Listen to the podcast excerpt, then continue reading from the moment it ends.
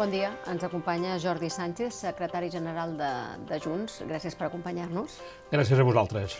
No, gairebé no em puc estar, perquè el tema del dia és el Partit Popular. Suposo que quan el contrincant s'equivoca se l'ha de deixar, no se l'ha de destorbar. Efectivament, que ells solets facin tota la feina. Sorprèn una vegada més, la, per un costat, la capacitat caïnita de la dreta espanyola de no només tenir rivalitats dintre del partit, eh, sinó d'anar a matar eh, companys de partit, i simplement jo crec que hi ha dues reflexions. La primera, més enllà de la legalitat o no del que va fer la senyora Ayuso, la immoralitat de que en plena pandèmia eh, es pogués, o a l'inici de la pandèmia, en una situació tan crítica, eh, si es confirma, com ella ho ha corroborat de manera bastant explícita, alguna persona es pogués emportar comissions eh, simplement per eh, poder facilitar eh, la compra de mascaretes i més si aquesta persona és un familiar directe de la presidenta de la comunitat i si les comissions eh, no són eh, simbòliques o si és que hi ha comissions simbòliques, sinó que podem estar parlant d'un 20%. No? I l'altra, molt clarament, demostra que el Partit Popular eh, no ha digerit en absolut els resultats de Castella i Lleó, que venien uns escenaris eh, on està abocada a una entesa amb l'extrema dreta i per tant eh, crec que aquí hi ha una, una, una batalla que això probablement, i aquesta és la situació que ens ha també de fer estar atents, pot acabar paradoxalment encara reforçant més eh, l'extrema dreta i Vox eh, d'aquesta crisi. Vostè prefereix un govern espanyol de PPB i Vox o un govern espanyol d'Unides Podem i el Partit Socialista? No, jo prefereixo un govern espanyol que tingui la honestedat i la valentia per abordar la crisi política que hi ha a Catalunya i intentar resoldre-la respectant el dret a decidir. Crec que el govern del PP i del PSOE eh, té matisos que el diferencien d'un govern del Partit Popular, però efectes essencials, la política, els resultats, per ser més concret, del govern del Pedro Sánchez no dista gaire dels resultats del senyor Rajoy. Eh, avui mateix eh, tenim la reunió de la Comissió Bilateral i els resultats que en sortiran continuaran sent absolutament magres.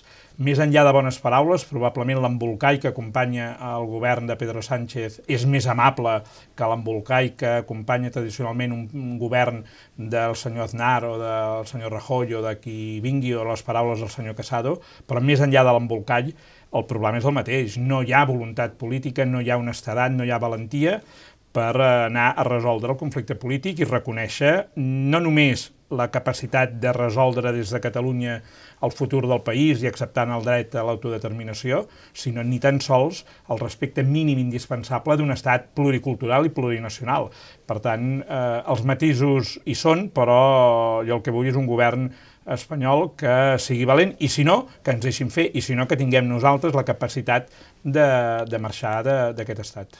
Aquesta manca de valentia de, eh, de la qual vostè parla també la va mencionar el president aragonès en una entrevista, en una conferència eh, aquesta mateixa setmana. Havien parlat del contingut del discurs? No, ell, el president eh, va fer una trucada el dilluns mateix, a primera hora del matí, eh, i em va donar la pinzellada de les tres grans idees de, de la conferència.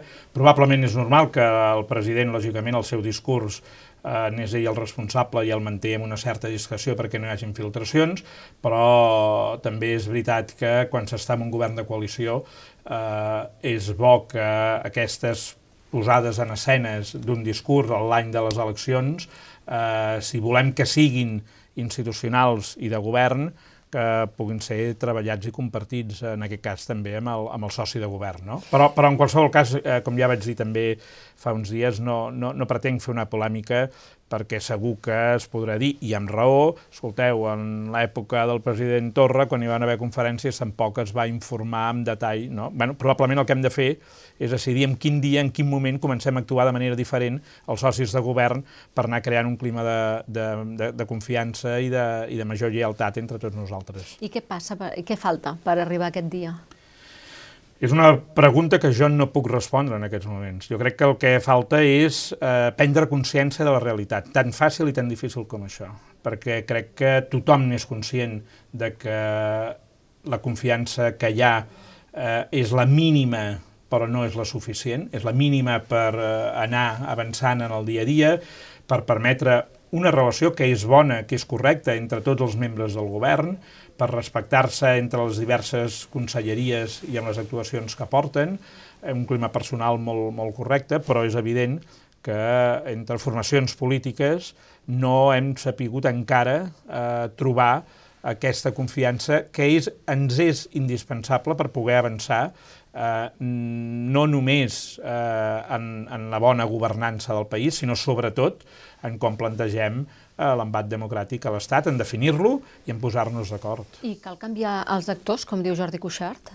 Bé, els actors, per descomptat, tard o d'hora tots serem canviats, eh? però crec que el problema no és eh, de persones, eh, això seria massa fàcil pensar que hi ha un problema de persones, és un problema més de fons, és un problema d'orientació, és un problema de determinació, de cultura política, fins i tot de cada un dels espais, perquè aquestes dificultats no les tenim només a les formacions que avui governem Catalunya.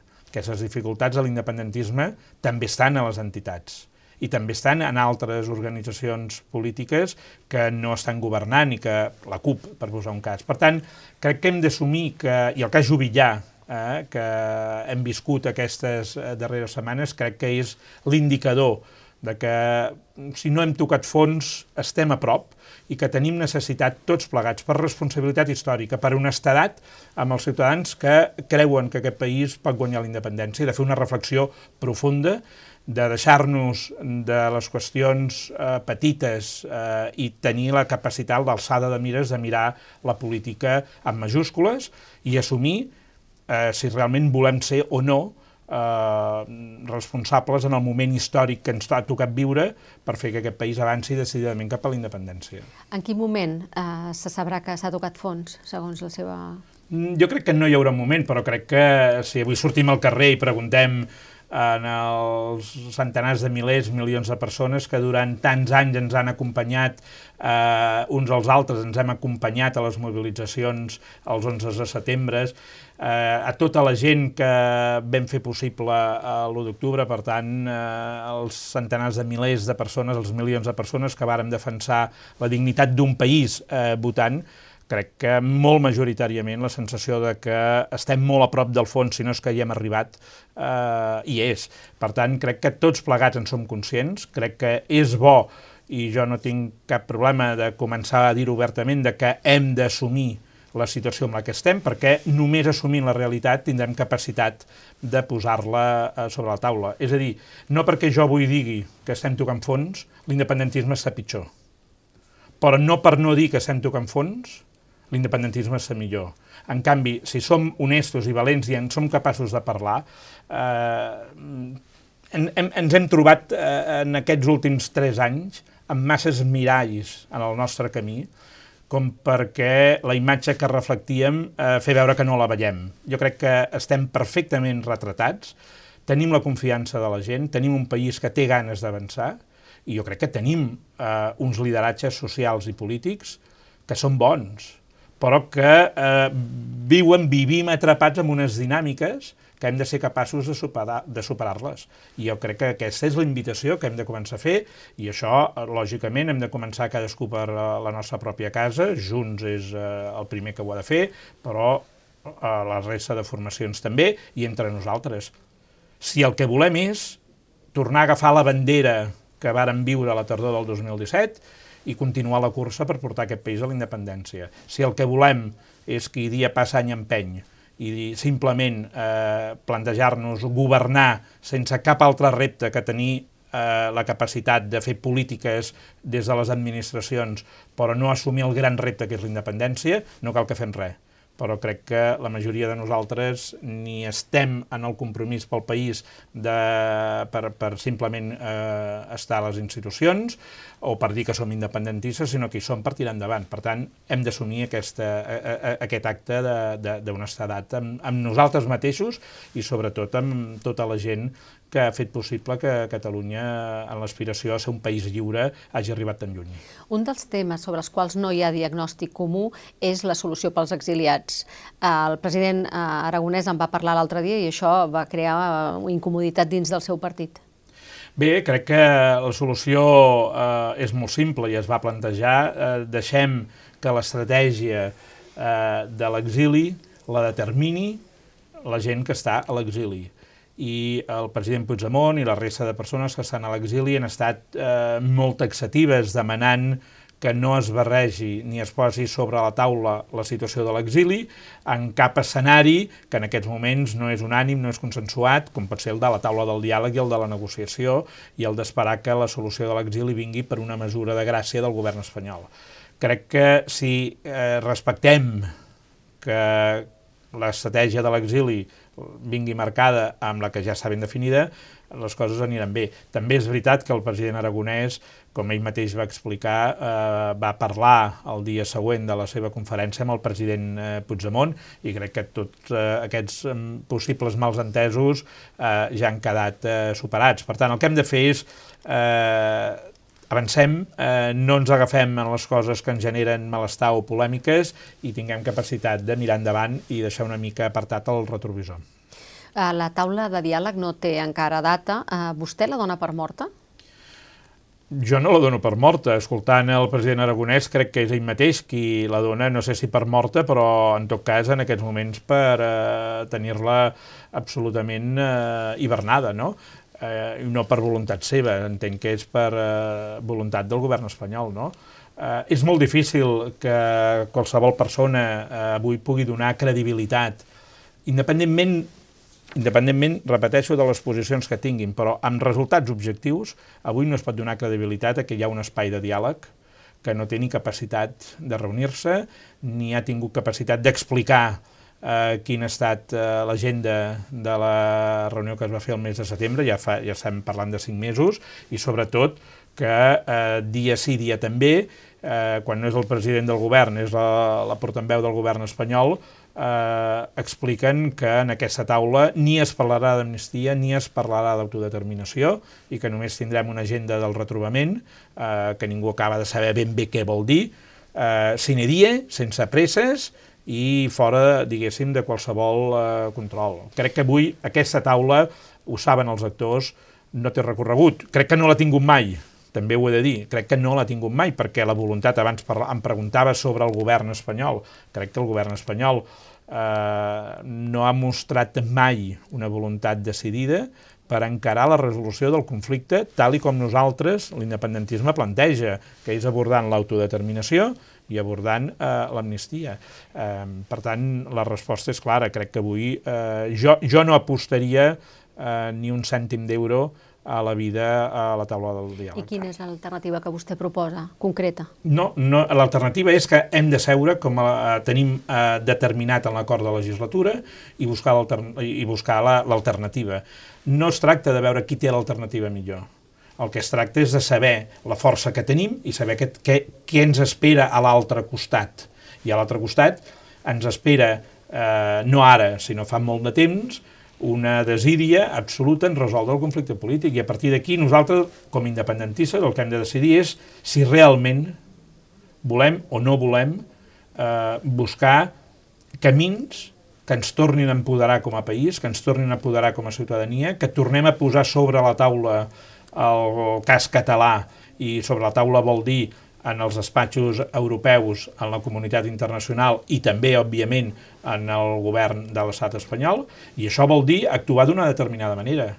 Això vol dir, d'entrada, reconeixen que per separat cadascuna de les formacions polítiques no serem capaços de fer aquest tercebràs eh, democràtic a, a l'Estat. Per tant, vol dir parlar-ne, seure, vol dir saber explorar nous camins, i això era el que vàrem anunciar que faríem en l'acord de legislatura, i el mateix president Aragonès, en el seu discurs del dia de Sant Esteve, ja va avançar que probablement caldria començar a buscar alternatives i que si la taula no tenia capacitat de donar resultats, hauríem de fer-ho.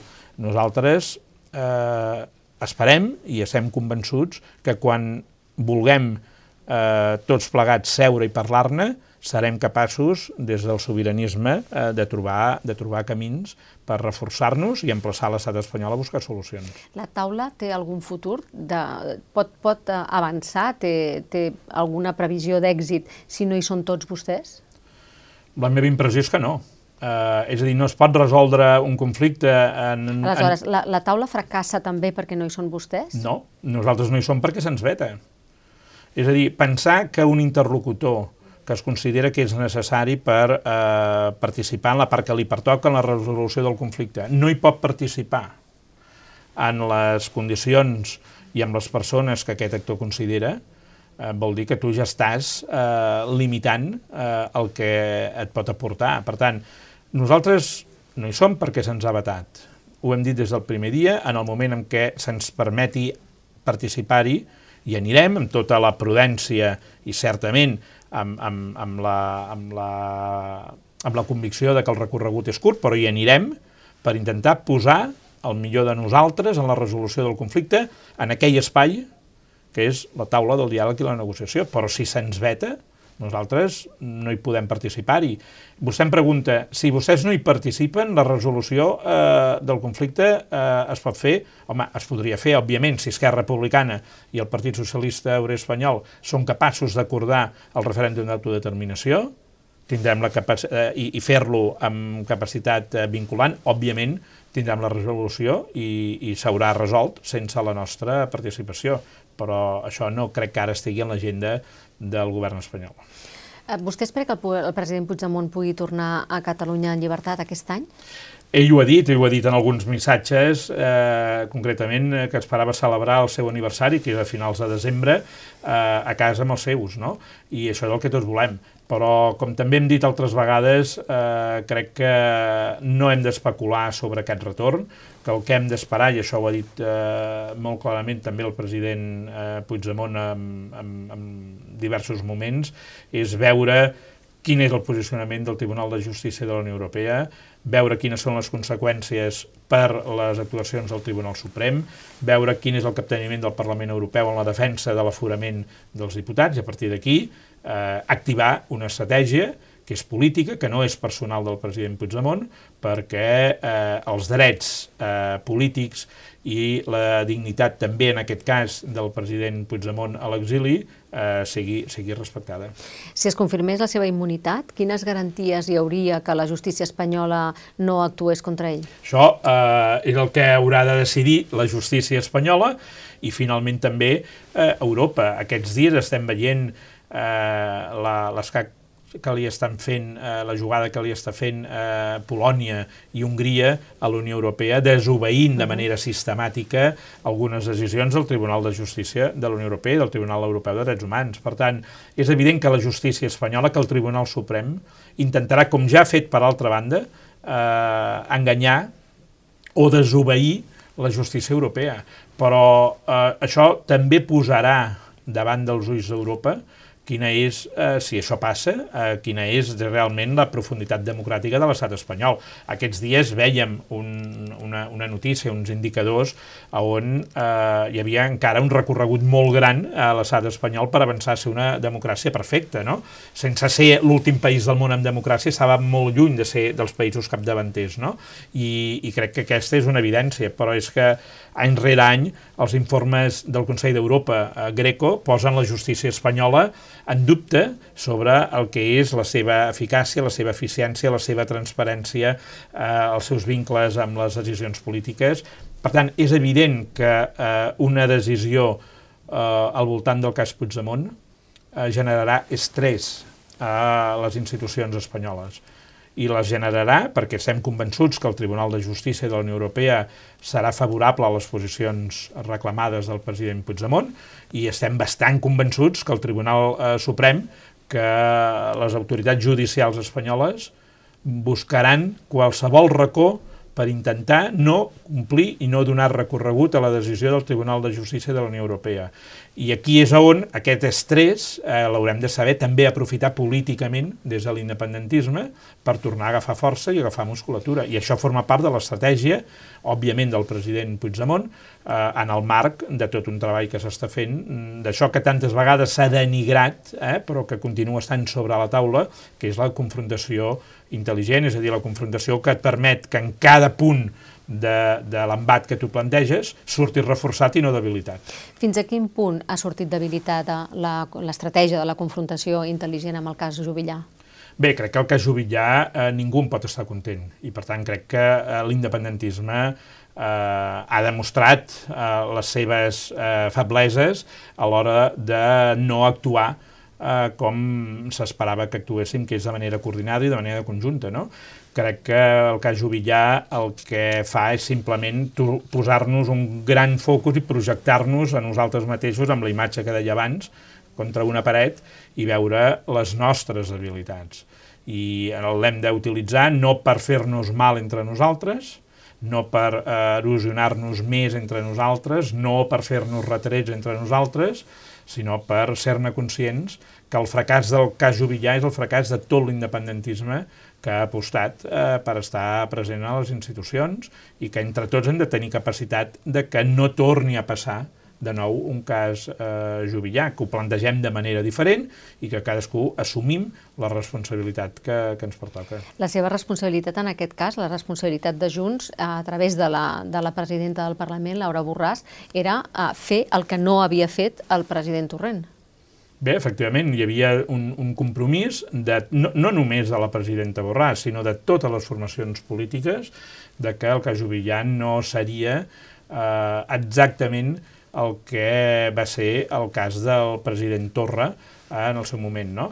Al final, eh, crec que la complexitat i la, de les situacions ens ha portat que no ha estat igual, efectivament, hi ha hagut posicions diferents, però el resultat, el resultat últim, el, el resultat últim, i crec que això hem de ser clars, ha estat que avui el senyor Pau Jubillà eh, no és diputat. Eh? Eh, bé, crec que tothom ha donat explicacions, les va donar eh, els grups parlamentaris, la pròpia presidenta del, del Parlament, crec que tots n'hem de treure les lliçons oportunes i que tots, absolutament tots, també hem de ser molt conscients que si l'independentisme no és capaç de retornar als fets, i els fets han de venir precedits de paraules, però són imprescindibles perquè les paraules tinguin sentit, no ens podem quedar només en l'independentisme de paraules.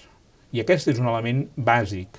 Eh, jo, que vinc d'una cultura política que no és de partit, no havia militat mai abans en cap partit polític, eh, tinc molt clar que el que ens ha donat força durant aquests últims anys el que ens va permetre arribar l'1 d'octubre en determinació va ser la decisió, la determinació de eh, fets, de garantir que allò que dèiem acabaria passant. Certament no va ser en la seva totalitat, però és evident que eh, les paraules han d'anar acompanyades de fets i que tot l'independentisme, amb el cas Jubillà i amb els seus acords que havien eh, establert abans, no hem estat capaços de que hi hagi aquesta coherència i això eh, crec que és, forma part també d'aquesta reflexió que ens ha de permetre en el futur no tornar a cometre els mateixos, eh, els mateixos errors, perquè si la gent veu aquesta desconnexió entre eh, unes promeses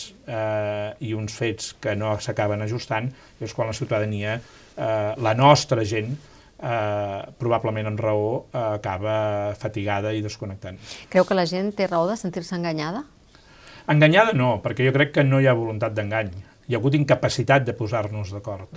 I, evidentment, eh, en aquest cas, eh, en el cas Jubillà, però en tants altres, si no hi ha una unitat de tot l'independentisme, és molt difícil que es pugui avançar en mantenir posicions de fermesa. L'1 d'octubre no es va fer perquè el president Puigdemont únicament va decidir que es feia eh, i convocava un referèndum i el va anunciar amb la seva expressió ja històrica de referèndum a referèndum. Es va fer perquè ell va tenir la determinació d'anunciar-lo de, de, en el Parlament, però es va fer perquè tot l'independentisme, no sense dificultats, eh, no sense dificultats, va acabar comprant la idea del referèndum.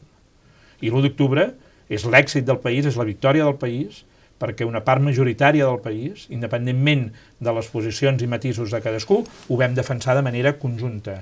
Eh, estic convençut que si les tres formacions que avui eh, tenim el 52% de vots representant el Parlament haguéssim actuat de manera conjunta defensant l'escó el senyor Pau Jubillà, avui tindríem un altre escenari, certament més tens, certament més polèmic, però si aquesta era la decisió i aquest era el compromís, haguéssim hagut d'actuar d'acord amb, aquest, amb aquesta decisió i aquest compromís. I si la decisió és que no anem a defensar l'escó del senyor Pau Jubillà o de qui sigui, eh, perquè creiem que no paga la pena, diguem-ho ja d'entrada. I crec que aquí totes les formacions independentistes hem de fer autocrítica, perquè totes hem eh, dit que farien i que passarien coses que no van acabar passant. I per tant, ni un és més culpable que els altres, tots som eh, responsables de no haver tingut la capacitat de, de, de, de fer simplement una cosa que és molt elemental, que és una estratègia. Tots sabíem que aquest cas arribaria. I n'han de, de venir altres. Com actuaran? Actuaran de la mateixa manera? Bé, jo crec que en tot cas, eh, bueno, jo crec que espero que s'actuï de manera coordinada.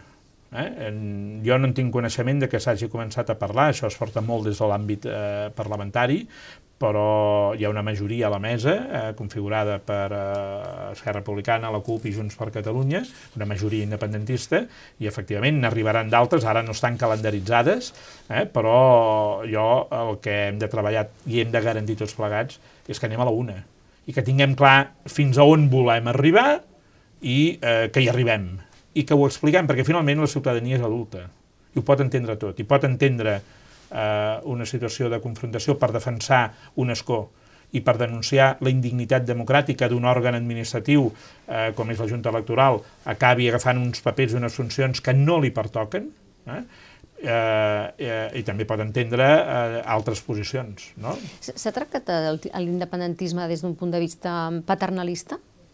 No, jo crec que no. Jo crec que s'ha tractat des de... Vivim un, un moments eh, paternalista des del propi independentisme. Intentant, diu. pensant que els, els ciutadans són amb un cert infantilisme. No, no, jo crec que no. Això eh, s'ha dit molt des de l'unionisme, es va dir molt la tardor del 2017, eh, la, i, i jo crec Però que... Vostè mateix deia fa un moment, els ciutadans són intel·ligents i se'ls hi pot dir la veritat. Se'ls hi pot dir les coses, no la veritat, sinó les coses com són, no? La, la realitat per crua i, que i, sigui. I a mi eh, en sóc conscient que moltes vegades eh, se'm generen certes polèmiques a les xarxes perquè mai he dit el que no creia i he intentat sempre eh, i mantinc, i crec que aquesta és la credencial que puc mostrar, fer el que crec. I, efectivament, eh, el paternalisme mm, ha pogut existir, no l'independentisme, existeix a la política en general. Eh? Hi ha una tendència eh, política eh, que mm, tu eh, diràs el que creus que la gent vol escoltar per guanyar-te el suport, vol dir els vots dels ciutadans, i aquest és un mal de la política de fa moltes dècades.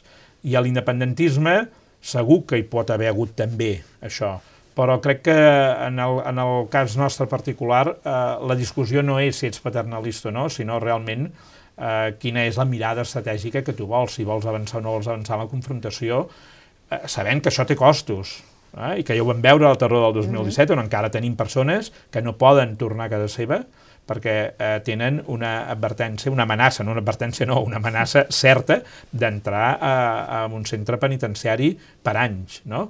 Eh, per tant, clar que té costos, però diria que la gran diferència és estem disposats a assumir-los o no.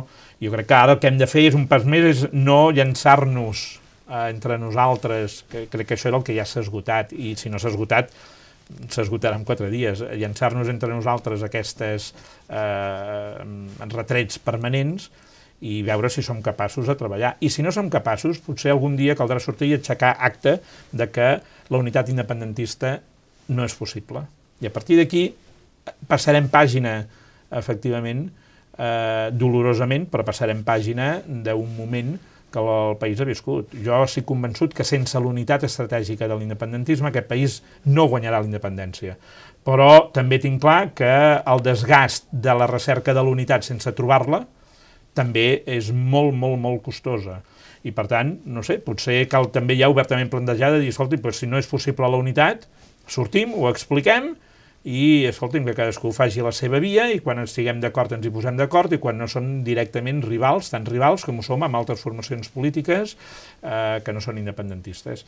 No sé, aquesta és la reflexió que crec que l'independentisme haurà de fer ben aviat si no vol quedar absolutament eh, en el quarto fosc de la història. Uh, una altra cosa, li, quina opinió li mereix que la presidenta del Parlament anés a la manifestació de la Meridiana uh, prohibida per interior?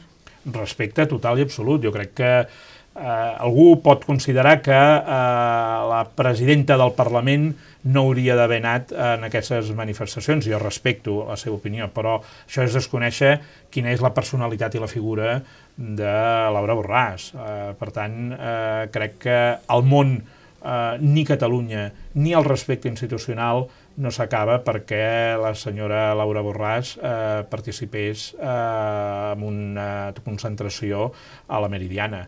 Segona reflexió, eh, crec que el dret a manifestar-se eh, existeix i aquí s'han dit moltes coses que no s'ajusten exactament a la veritat. No és cert que el conseller d'Interior i que la Conselleria d'Interior eh, prohibissin els talls de la Meridiana.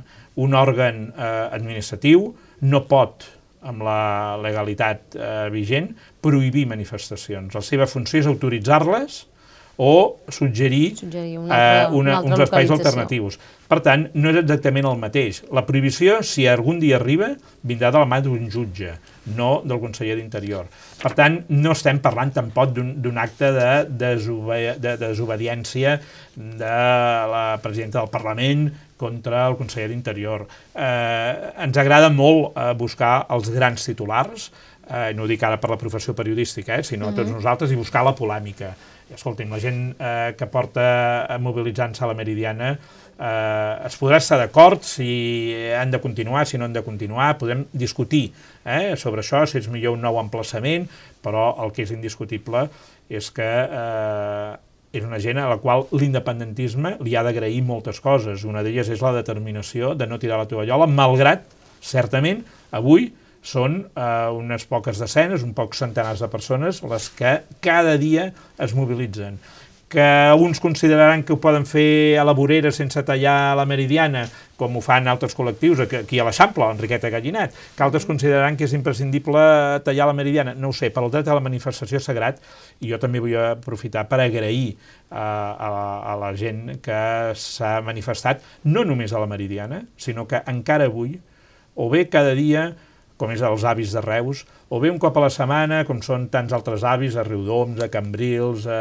a tants altres llocs de país o, o, o places, o cada primer d'octubre a Manlleu, a, a, arreu del país, encara tenim molta gent que de manera continuada es troba per recordar la voluntat de ser lliures, per recordar que tenim encara gent represaliada, alguns a l'exili i altres en procediments judicials, i per renovar el seu compromís pel país. I a mi això, eh, com a persona que ha estat receptora de tanta solidaritat, només em mereix eh, respecte i agraïment. I com a secretari general de Junts, respecte i, i, i, i admiració a tota aquesta gent amb la qual intento anar acompanyant de tant en tant el dilluns que ve, el 21, seré a Girona, eh, eh, a la plaça del Vi, on també es troben eh, per eh, reclamar el retorn dels exiliats, la finalització de la repressió. Per tant, intentem també eh, abandonar algunes polèmiques que no diré que siguin bombolles, però que no, no representen, jo crec, la realitat del país i, per tant, eh, endavant amb les mobilitzacions també, de la, òbviament, de la senyora Laura Borràs, i dic senyora perquè en tant que presidenta del Parlament ella té unes obligacions, i les compleix jo crec perfectament, eh, en tant que ciutadana eh, no podem exigir que ella eh, renunciï a la seva identitat. Uh, senyor Sánchez, uh, respecte a la, a la, al, al Parlament, uh, creu que es va gestionar bé el tema de les llicències per edat? És una altra evidència que no s'han fet bé les coses eh, i crec que el tema no és tant la gestió de les llicències per edat, sinó l'existència d'aquestes mesures eh, que fa dècades que existeixen amb una gran opacitat. I crec que aquí el Parlament, històricament, no, no el Parlament actual, el Parlament com a institució ha fallat, perquè la reserva de la, de la independència del poder legislatiu, el respecte escrupulós a la separació de poders, no pot confondre's amb l'opacitat ni els privilegis. I crec que, efectivament, jo puc entendre, vaig escoltar perfectíssimament el, el, el president Benac explicant, i crec que amb raó deia, aquest acord va ser fill d'un altre moment, certament. Però tampoc això justifica plenament aquells acords, perquè en aquell moment, en altres administracions, tampoc es donaven aquestes condicions. Però més enllà d'això, crec que encara hi ha un recorregut gran que jo estic convençut que amb l'actual la, legislatura, l'actual presidència del Parlament i l'actual mesa aconseguirem capgirar-ho, eh, de trencar opacitat i de donar màxima transparència. I també és veritat, i també ho vull aprofitar, que hi ha hagut eh, una tasca periodística, en aquest cas que l'heu fet des del diari Ara, de persistència, de reclamar transparència, d'utilitzar els canals d'accés a la informació i a la transparència que, la propi, que el propi Parlament va aprovar en les seves lleis per intentar, eh, agafant el nom d'aquest programa, eh, posar llum a la foscor. I per tant aquí crec que més enllà de les polèmiques puntuals que han estat i són eh, intenses, eh, crec que és un bon exercici de determinació política i de eh, funció exercir el periodisme eh, per intentar que les coses que no es poden explicar deixin d'existir. I, evidentment, les llicències per edat no es pot explicar eh, sense que ningú se li pugin els colors a la cara. I, per tant, han de deixar d'existir. De fet, han deixat d'existir. Han deixat d'existir, efectivament, des de fa molt pocs dies. I aquí segur que això es deu a una voluntat política, d'altra manera hauria estat impossible, però també es deu a que hi hagi hagut una, una, una tasca eh, que en aquest cas eh, és d'aquest diari, però que és en general de la professió periodística de no abandonar el que és un dels pilars fonamentals en una democràcia, que és el dret a la informació i accedir a, a, a posar llum a la foscor. Parlàvem fa un moment de, de les dificultats de, de la inexistència d'una estratègia independentista entre els dos partits que són, juntament amb la CUP o amb Unides o amb eh, en Comú Podem, tenen la majoria parlamentària, però que a més a més estan, estan al govern i tampoc estan d'acord amb molts temes de govern. Per exemple, el tema dels Jocs Olímpics, el tema del Prat, Bé, jo crec que amb el tema dels Jocs Olímpics i amb el tema... Aviam, anem, anem a pans. Eh, parla d'aquesta majoria dels socis de govern. Jo parlo de... Jo el que li pregunto és... és que, aquesta és que ara majoria, havia, aquesta majoria parlamentària, que en aquest moment no existeix... Que és geometria variable. Que té geometria variable, que no és la de la investidura, està en el govern, amb dos socis, que són vostès i Esquerra Republicana, no tenen una unitat d'estratègia comuna i li pregunto, en el govern, és sostenible aquest govern sense una estratègia comuna al Parlament i amb dissensions clares en temes importants, com per exemple l'aeroport del Prat o fins i tot els Jocs Olímpics? Com a socis de govern tenim un acord electoral i crec que eh, hi ha un acord molt ampli en l'acció política que estem portant a terme entre eh, Esquerra Republicana i Junts per Catalunya. És cert que en el suport electoral, en el suport parlamentari, eh, eh, s'han anat modificant i hi han matisos, i efectivament la CUP eh, o eh, en Comú Podem eh, s'ha manifestat en contra d'algunes decisions d'aquest govern. Eh, però la responsabilitat del govern, que no disposa de majoria absoluta, és eh, tenir la capacitat de trobar el suport cada vegada, si és així, de geometria variable amb les formacions que, que pertoqui per tirar endavant el seu programa eh, el projecte, sí, efectivament vam tenir un, un, un disseny important que ens va portar a una pèrdua del que per nosaltres creiem que era una aposta molt important, que era la projecció internacional de l'aeroport del Prat amb, amb, amb, amb una actuació que actualment AENA no ho permet, no ho té com a prioritari i nosaltres, per tant, eh, més enllà d'exigir el traspàs complet de la gestió de l'aeroport, creiem que calia apostar per una actuació eh, profunda, respectant l'entorn natural, però una actuació profunda, amb solucions que es haguessin pogut trobar, segur, respectuoses sempre, perquè si no la Comissió Europea no donaria les autoritzacions oportunes amb l'entorn de la Ricarda eh, en el Prat i que permetés projectar l'aeroport connectat a Reus i a Girona eh, per vols eh, transoceànics. I això es va perdre, sí, és veritat. I aquí va haver una primera dissidència eh, dintre del govern i efectivament hi havia matisos i nosaltres ens vam quedar sols defensant una posició que al final el govern espanyol va aprofitar per abandonar una inversió compromesa pocs dies abans de 1.700 eh, milions eh, d'euros. Amb els Jocs Olímpics vam començar amb certs eh, dubtes, però crec que aquí nosaltres també hem jugat un paper de lideratge. Eh, no, no és una aposta eh, segura perquè això ha de passar encara per una decisió del Comitè Olímpic Internacional. El projecte encara no s'ha explicat, hi ha moltes veus nervioses, i està bé que sigui així, crítiques, i és normal que hi siguin, però és evident que aquest projecte de Jocs Olímpics ho serà, un, respectuós i conscient del canvi climàtic, clar que existeix el canvi climàtic, és evident que existeix, però el canvi climàtic no posa eh, a la picota a la possibilitat eh, de la celebració d'uns jocs, eh, i menys mentre hi hagi eh, tota una realitat eh, de l'esport eh, d'esquí en, el, en, el, en el Pirineu. Dos, uns jocs que hauran d'explicar-se en totes les comarques directament implicades, però també en les del seu entorn, i així ho defensem obertament des de Junts per Catalunya, que també el Ripollès, també el Berguedà, també el Solsonès puguin participar d'aquest debat directe i d'aquesta oportunitat, entenent que els jocs que avui s'estan perfilant com a, com a projecte, que s'haurà d'explicar, encara no s'ha explicat, res tenen a veure amb el model de jocs de fa 15 o 20 anys no es construirà ni un equipament esportiu. Eh, no es pensarà en l'esdeveniment de 15 dies, sinó en com donem oportunitat precisament en un territori que el que hem de fer és que en els dies que donen els Jocs, els puguem, que és el Pirineu, el puguem posar en el món per poder ajudar a, a, a donar un pas endavant. I això no vol dir ni apostar pel turisme massiu, res de tot això. Aquest, eh, fa, fa poques setmanes, crec que 15 dies, vam tenir una prova eh, d'esquí de a l'estació de Boí. I, I van passar milers de persones. I això no és un atemptat eh, ni contra l'entorn, al contrari, és un, un munt d'oportunitats. No? Per tant, eh, i els jocs en aquests moments que nosaltres hi hem apostat, amb aquestes condicions, quan hi hagi el projecte, s'haurà d'explicar i efectivament la ciutadania haurà de veure si això és realment o no és una oportunitat.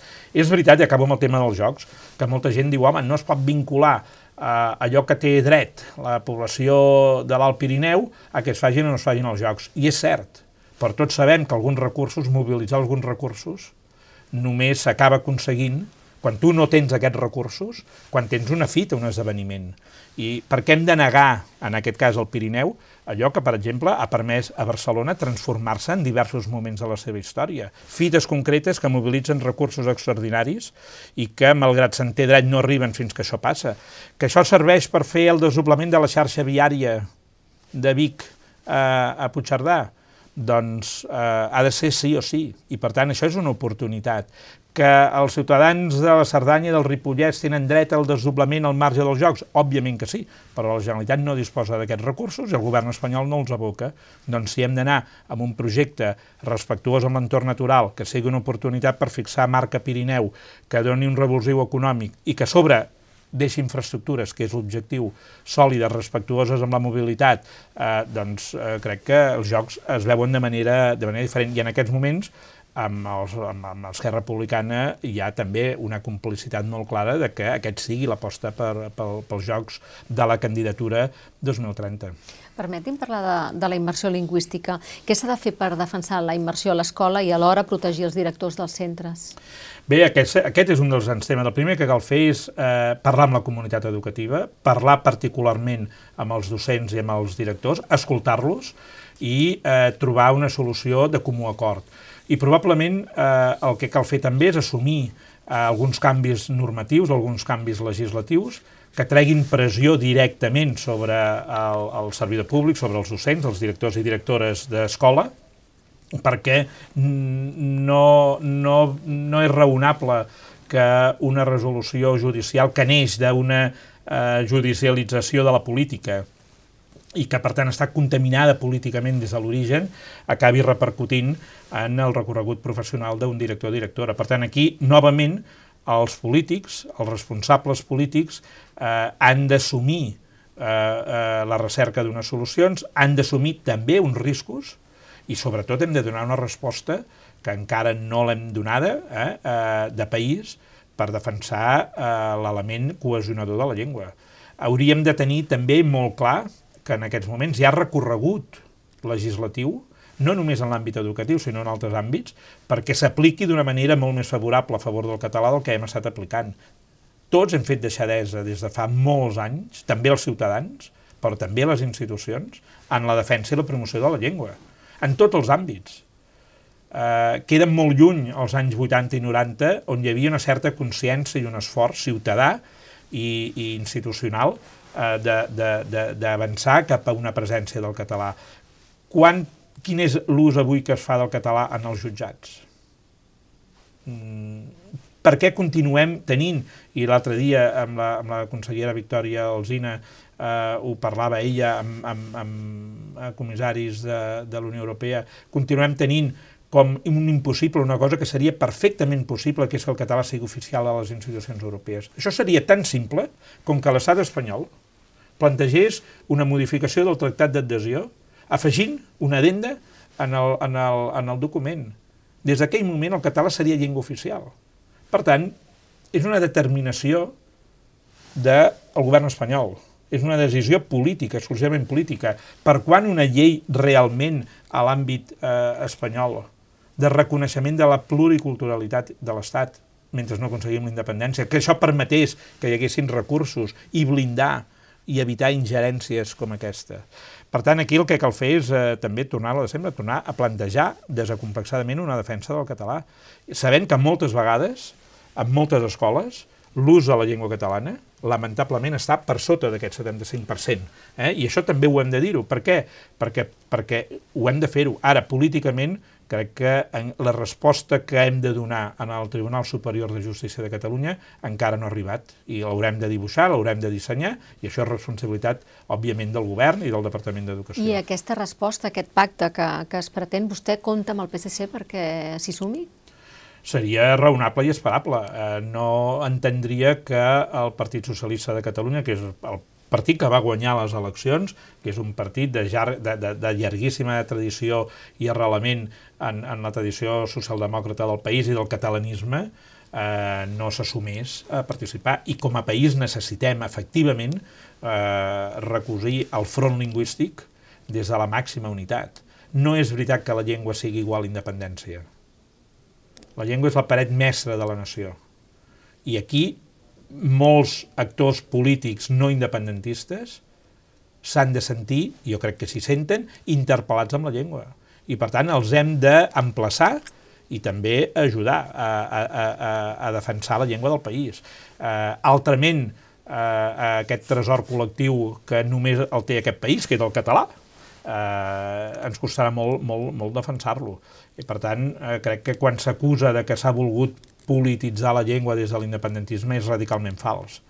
En cap cas mai mm, que jo recordi, des del 2012, 13, 14 fins a l'actualitat s'ha vinculat llengua a independència. Hi ha treballs, eh? òbviament amb l'independència tindríem una situació molt més fàcil, però precisament no s'ha volgut fer mai un relat identitari eh, al voltant de, de, de la independència i al voltant de la llengua. La llengua d'aquest país eh, ha de tenir una acceptació també pels qui no són independentistes, com la llengua de respecte i de projecció col·lectiva.